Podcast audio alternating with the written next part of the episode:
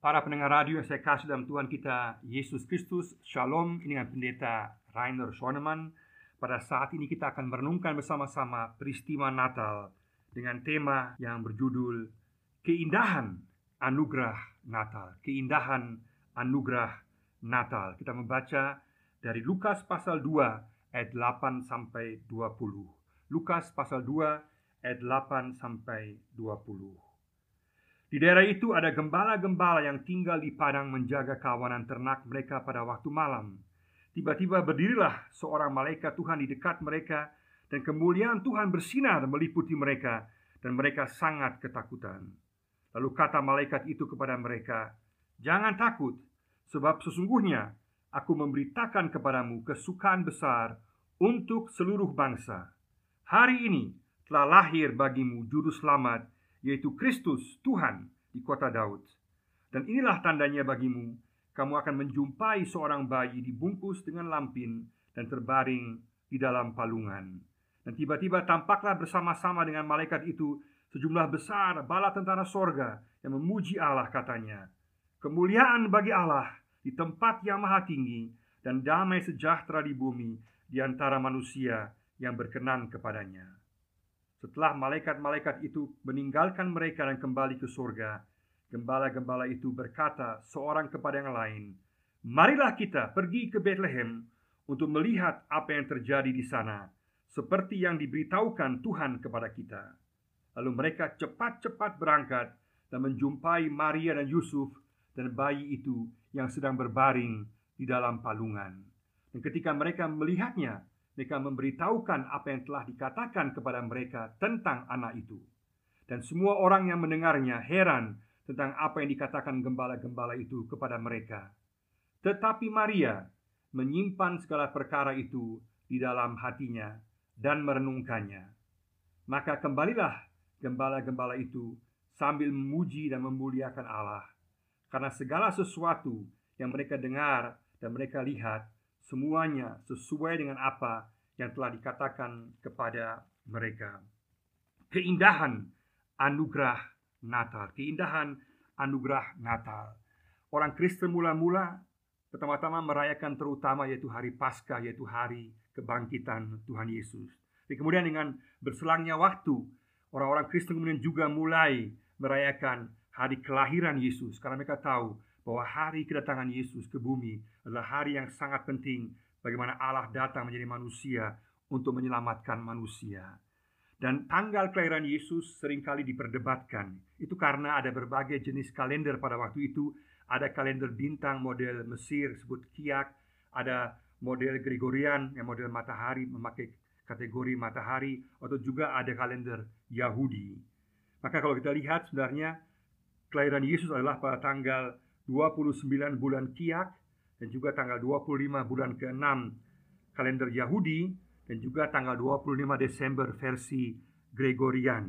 Dan kemudian setelah kita lihat juga ada versi yang lebih tua lagi dari Gregorian itu disebut dengan kalender Julian itu dikatakan Yesus lahir pada tanggal 6 atau 7 Januari. Itu sebabnya mengapa orang-orang Kristen Protestan dan Katolik merayakan tanggal 25 Desember Sedangkan orang-orang Kristen Ortodoks cenderung mereka merayakan pada tanggal 6 atau tanggal 7 Januari.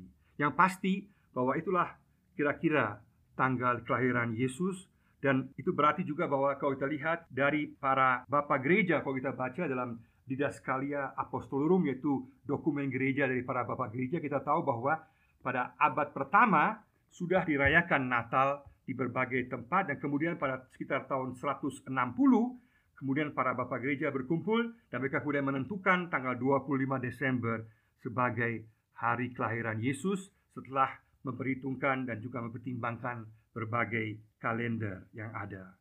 Ada lima hal yang saya mau tekankan dari teks ini yang menunjukkan makna yang keindahan anugerah Natal yang luar biasa. Yang pertama di sini yaitu tujuan Natal. Tujuan Natal ayat yang ke-11. Kita lihat bahwa tujuan Natal adalah menyelesaikan masalah dosa yaitu membawa keselamatan. Dikatakan bahwa Yesus juru selamat Kristus Tuhan telah lahir. Berarti Yesus datang untuk menyelesaikan masalah dosa. Karena masalah dosa adalah masalah yang terbesar dalam dunia ini. Dan Yesus menjadi manusia lahir untuk menjadi juru selamat, menjadi penyelamat bagi manusia dari dosa. Maka Natal menunjukkan secara luar biasa bukti cinta kasih Allah yang luar biasa. Bagaimana Allah turun ke dunia Lalu Yesus Kristus dia turun ke dunia untuk menyelamatkan manusia. Jadi Natal adalah tangga cinta kasih Allah untuk menggapai, untuk meraih, untuk menjangkau, untuk menyelamatkan manusia. Sebabnya mengapa dalam Galatia 4 ayat 4 dikatakan ketika genap waktunya Allah mengutus anaknya.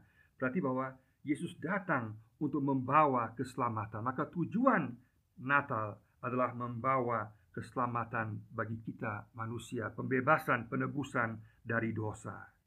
Yang kedua, kalau kita lihat dalam teks ini yaitu ada keajaiban Natal, yaitu keajaiban Natal ayat 12, yaitu mujizat kelahiran Yesus yang begitu luar biasa. Kita lihat bahwa Yesus lahir dari seorang anak darah Maria.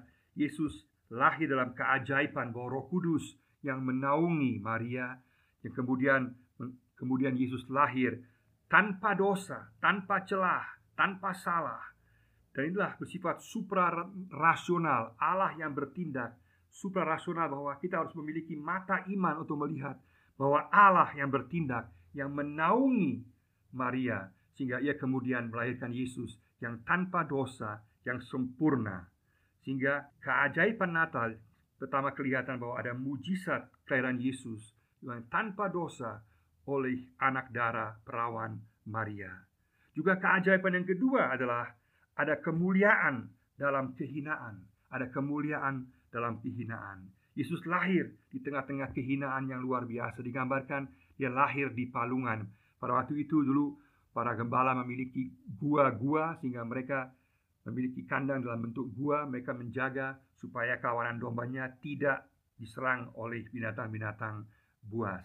Yesus lahir dalam kandang, dalam mati dalam suatu sebuah gua, tempat ternak. Karena pada waktu itu tidak ada tempat bagi Yesus di berbagai penginapan di Bethlehem. Maka kemuliaan Yesus yang lahir anak Allah, lahir di tengah-tengah kehinaan. Satu hal yang sangat luar biasa.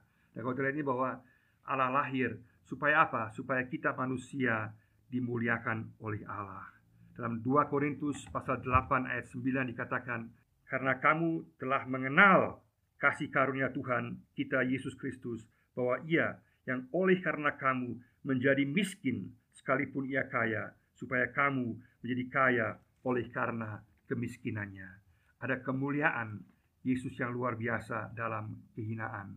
Menunjukkan bahwa Yesus begitu mengasihi kita manusia hingga dia bersedia untuk menempuh jalan kerendahan untuk membawa keselamatan. Dan hal ini hanya dapat dilihat dengan mata iman, dengan mata kepercayaan bahwa Allah sendiri yang bertindak, bahwa Allah yang melakukan segala sesuatu untuk menyelamatkan manusia. Dan keajaiban yang ketiga adalah keperkasaan dalam kelemahan. Keperkasaan dalam kelemahan. Bahwa meskipun Yesus lahir sebagai anak bayi yang tak berdaya, yang lemah, tapi dia adalah raja segala raja, Tuhan segala Tuhan, Allah semesta alam Itulah suatu keajaiban yang luar biasa. Karena Yesus lahir tanpa dosa lewat anak darah Maria. Bahwa ada kemuliaan dalam kehinaan meskipun dia miskin. Dia adalah sungguh-sungguh kaya dan menjadikan kita semua orang percaya kaya dalam dia. Kaya secara rohani dan juga kaya untuk masa depan, pengharapan, dan kehidupan dan penyertaannya. Dan kemudian ada keperkasaan dalam kelemahan.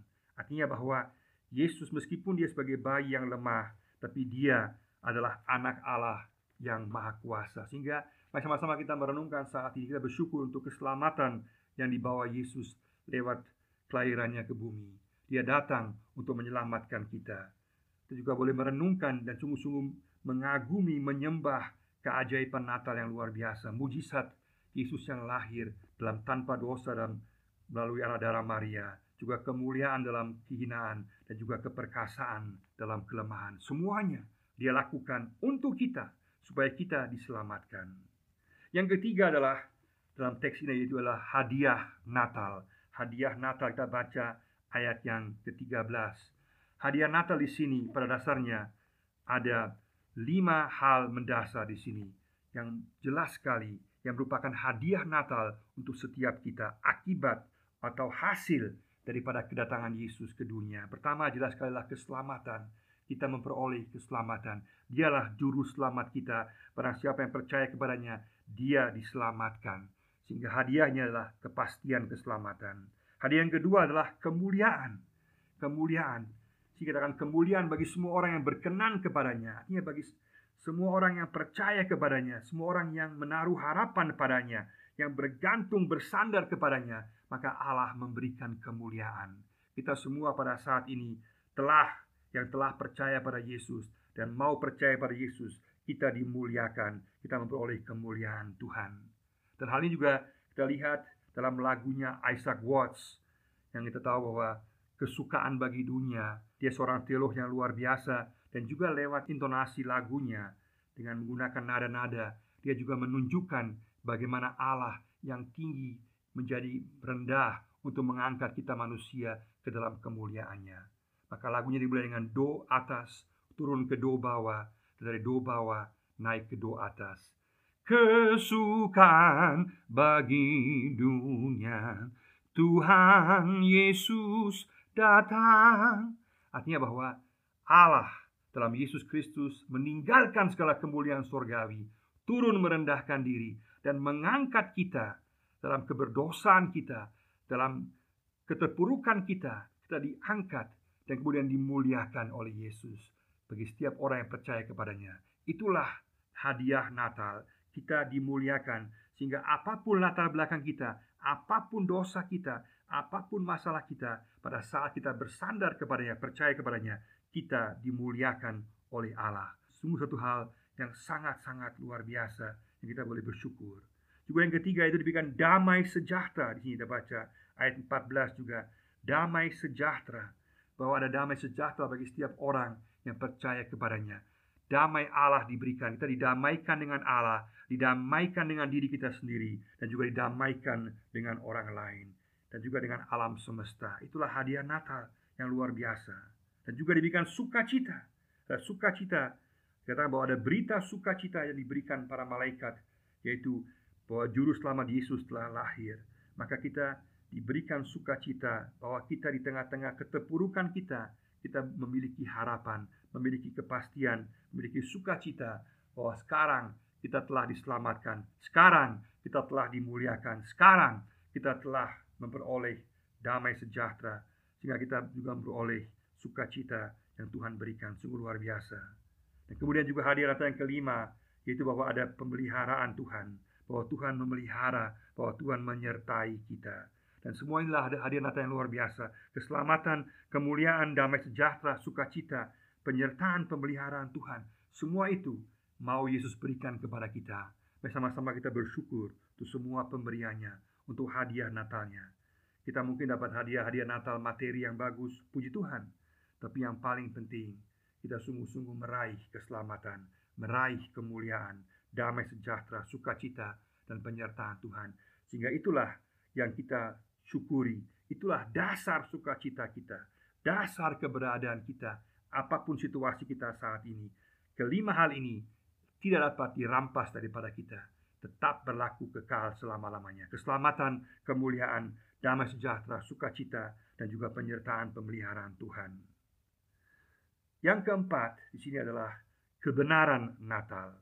Kebenaran Natal. Kita baca ayat 8 sampai ayat 14. Luar biasa bahwa peristiwa Natal ini kemudian diperkuat, dinyatakan sebagai kebenaran dengan kebenaran yaitu dengan kehadiran para malaikat. Sehingga diteguhkan bahwa Allah sendiri yang bertindak, ada berita dan juga ada kehadiran para malaikat, ada show force bala tentara sorga tentara sorga yang datang untuk menyampaikan berita sukacita kepada manusia, pada para gembala, bahwa Yesus telah lahir bagi keselamatan manusia. Ada show force daripada para malaikat. Dan luar biasanya adalah mereka datang, meskipun mereka perkasa, mereka berkuasa, mereka datang untuk membawa berita damai, untuk melayani manusia, untuk membawa berita damai bagi manusia. Mereka memuji Tuhan dengan luar biasa.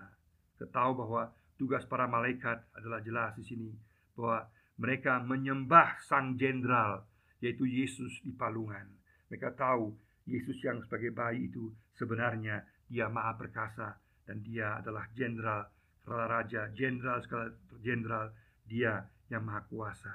Dan juga mereka menyampaikan berita Natal, berita yang menggemparkan. Mereka bukan berteriak gempur dan serang, tapi mereka berteriak damai di bumi. Mereka menyerukan damai di bumi.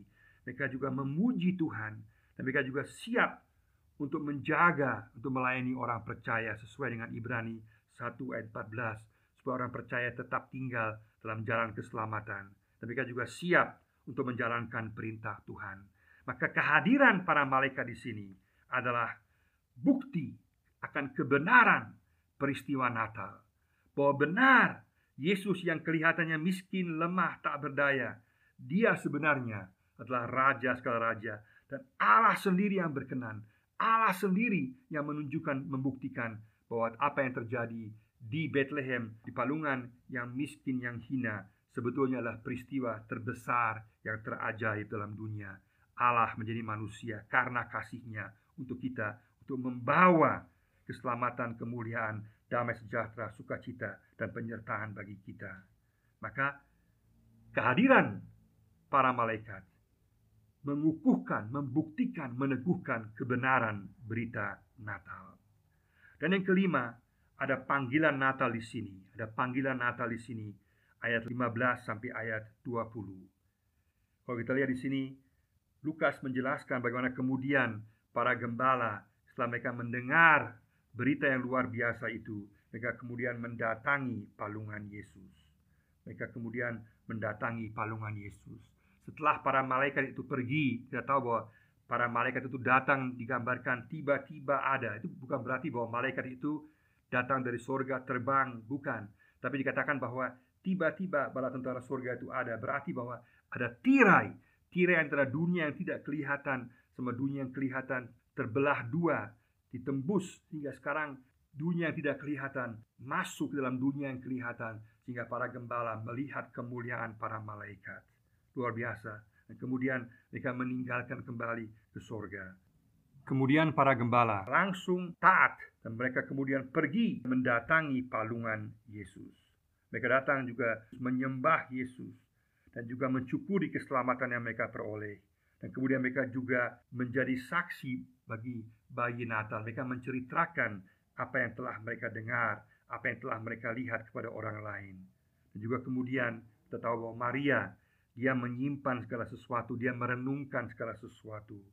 Dan itulah sikap yang perlu kita ambil saat ini pada saat Natal saat ini.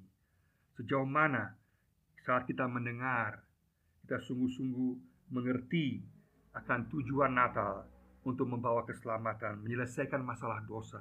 Kita boleh bersyukur bahwa Yesus datang untuk menyelesaikan masalah dosa sebagai juru selamat dunia. Kita boleh sungguh-sungguh merenungkan keajaiban Natal, mujizat yang luar biasa bahwa Allah menjadi manusia, Yesus dan tanpa dosa lahir lewat anak darah Maria. Bahwa ada kemuliaan Yesus dalam kehinaan dan juga ada keperkasaan Yesus dalam kelemahan. Dan kemudian kita dengan mata iman boleh mencukuri bahwa Yesus mau merendahkan dirinya untuk kita manusia. Juga kemudian bahwa kita menerima hadiah Natal yang ditawarkan kepada kita oleh Allah, oleh Yesus sendiri. Maukah kita menerima keselamatannya? Mau menerima kemuliaannya, damai sejahteranya, sukacitanya, penyertaannya. Untuk itu mari sama-sama kita mendatangi palungan Yesus, datang untuk menyembah Yesus, datang apa adanya, mengakui keberadaan kita, mengakui Dia sebagai juru selamat kita, sebagai Tuhan kita, sebagai Kristus Tuhan adalah juru selamat kita. Kita menyembah Dia, kita mencukuri semua hadiah Natal yang Dia berikan untuk kita. Dan kemudian kita juga menyaksikan berita cinta kasih Allah kepada orang lain. Mujizat Allah yang luar biasa dalam peristiwa Natal menjadi saksi bagi orang lain. Kita melayani orang lain sehingga orang lain juga merasakan kasih Yesus. Mereka mengalami keselamatan, damai Yesus, sukacita Yesus, kemuliaan Yesus. Mereka boleh mengalami pemeliharaan Yesus. Bersama-sama kita katakan, kita mau menjawab panggilan Natal. Kita mau datang, kita mau menyembah, kita mau bersyukur, dan kita mau menjadi saksi bagi bayi Natal di mana pun kita berada. Kiranya Tuhan memberkati kita semua. Amin.